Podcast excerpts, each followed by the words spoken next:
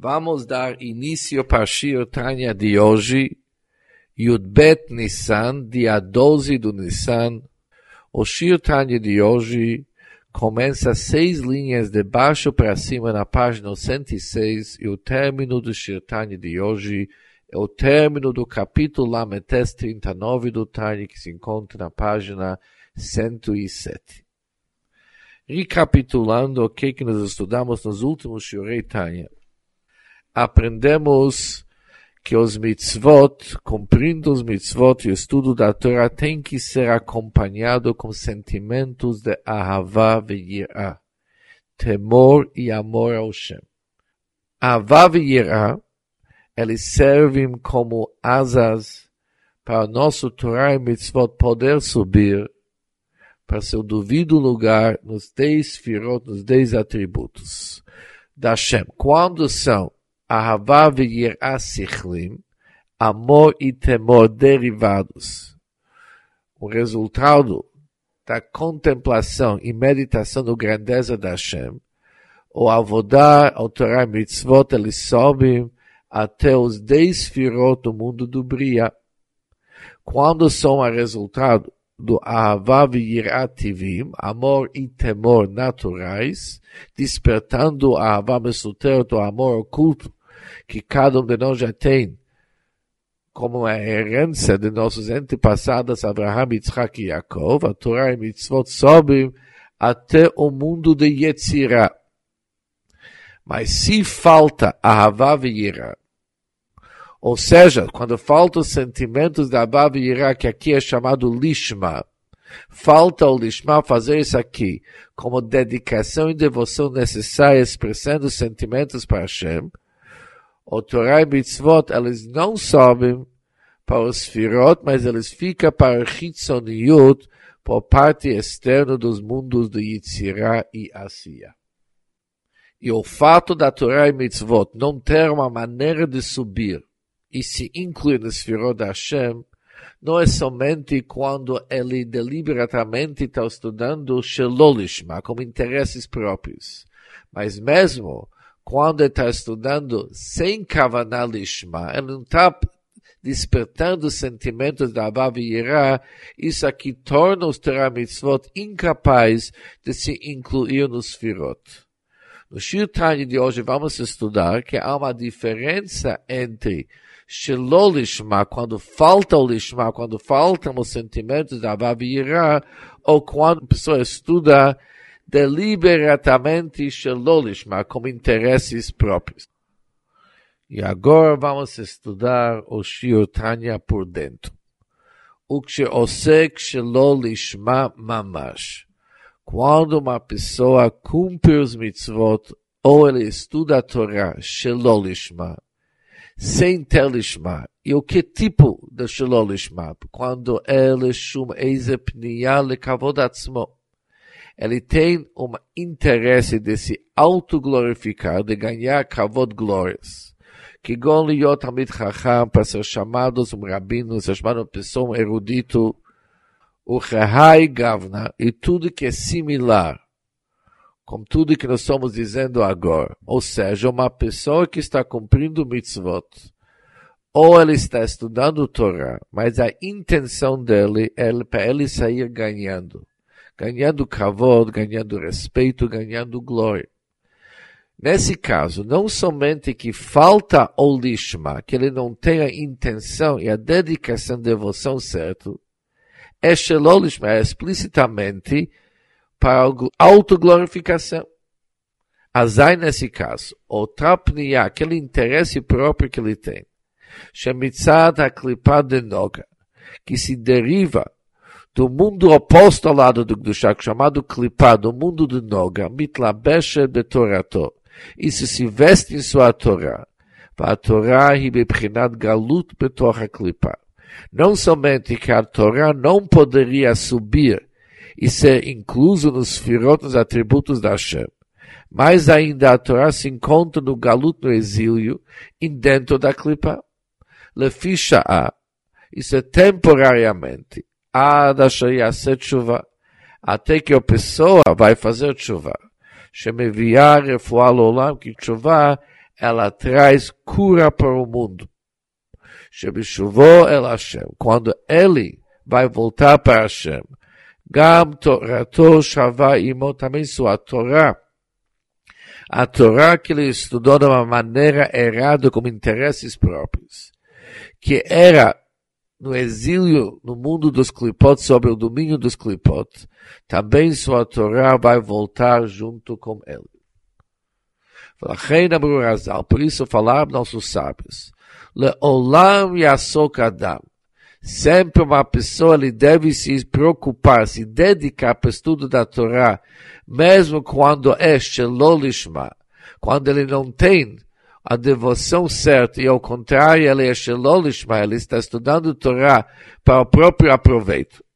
שמתוך שלא לשמה, בא לשמה בוודאי. שמתוך שלא לשמה, daquele que ele está fazendo por enquanto, Shelo Lishma, finalmente, isso pode ser retificado e se tornar Lishma.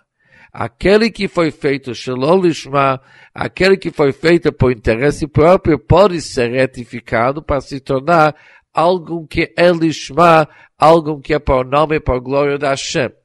Shebevadai sendo que com certeza só for finalmente la chuva.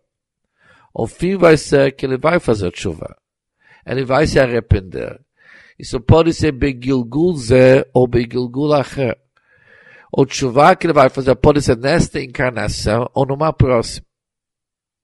E conforme é conhecido entre os Hassidim, que cada um de nós na sua própria vida passa vários Gilgulim, várias situações que são tão distantes uma da outra que são consideradas como encarnações. E finalmente cada um de nós vai fazer chuva que lo yidach mimenu nidach, que jamais que alguém vai ser excluído e distante da Hashem. E mesmo quando somos chamados nidach, alguém que está fora, alguém que está distante, mas isso não é uma situação permanente. Ao fim, obviamente, a pessoa vai fazer chuva. E quando ele vai fazer chuva, a Torá que ele estudou, com interesses próprios, também vai se voltar junto com ele para o lado da Gdushá, para o lado da santidade. Por isso, do Shalom Lishma, finalmente vai se tornar Lishma. Ou seja, devemos entender as palavras do Shalom Lishma com certeza aquele que foi feito Lo Lishma sem ter a intenção certa vai se retificar e modificar para ser Lishma. Ou seja, podemos concluir que mesmo Torá que alguém estudou Shalom Lishma, ele teve intenções erradas, intenções incorretas na hora que ele estudou Torá. Todo o estudo dele era com o destino para ele ganhar, sair ganhando kavod, respeito e glória. Também no nível de Torá estudado, maneira tão errada pode ser retificado e pode ser elevado para o lado do Gdushá, para até para o lado dos essas firot. Mas isso é quando uma pessoa estudou Shelolish, mas com intenção errada. O que que acontece quando a pessoa acha que Stam? Quando ele estuda de uma maneira que é chamado Stam. O que que é Stam? Lolishma, velo Shelolishma.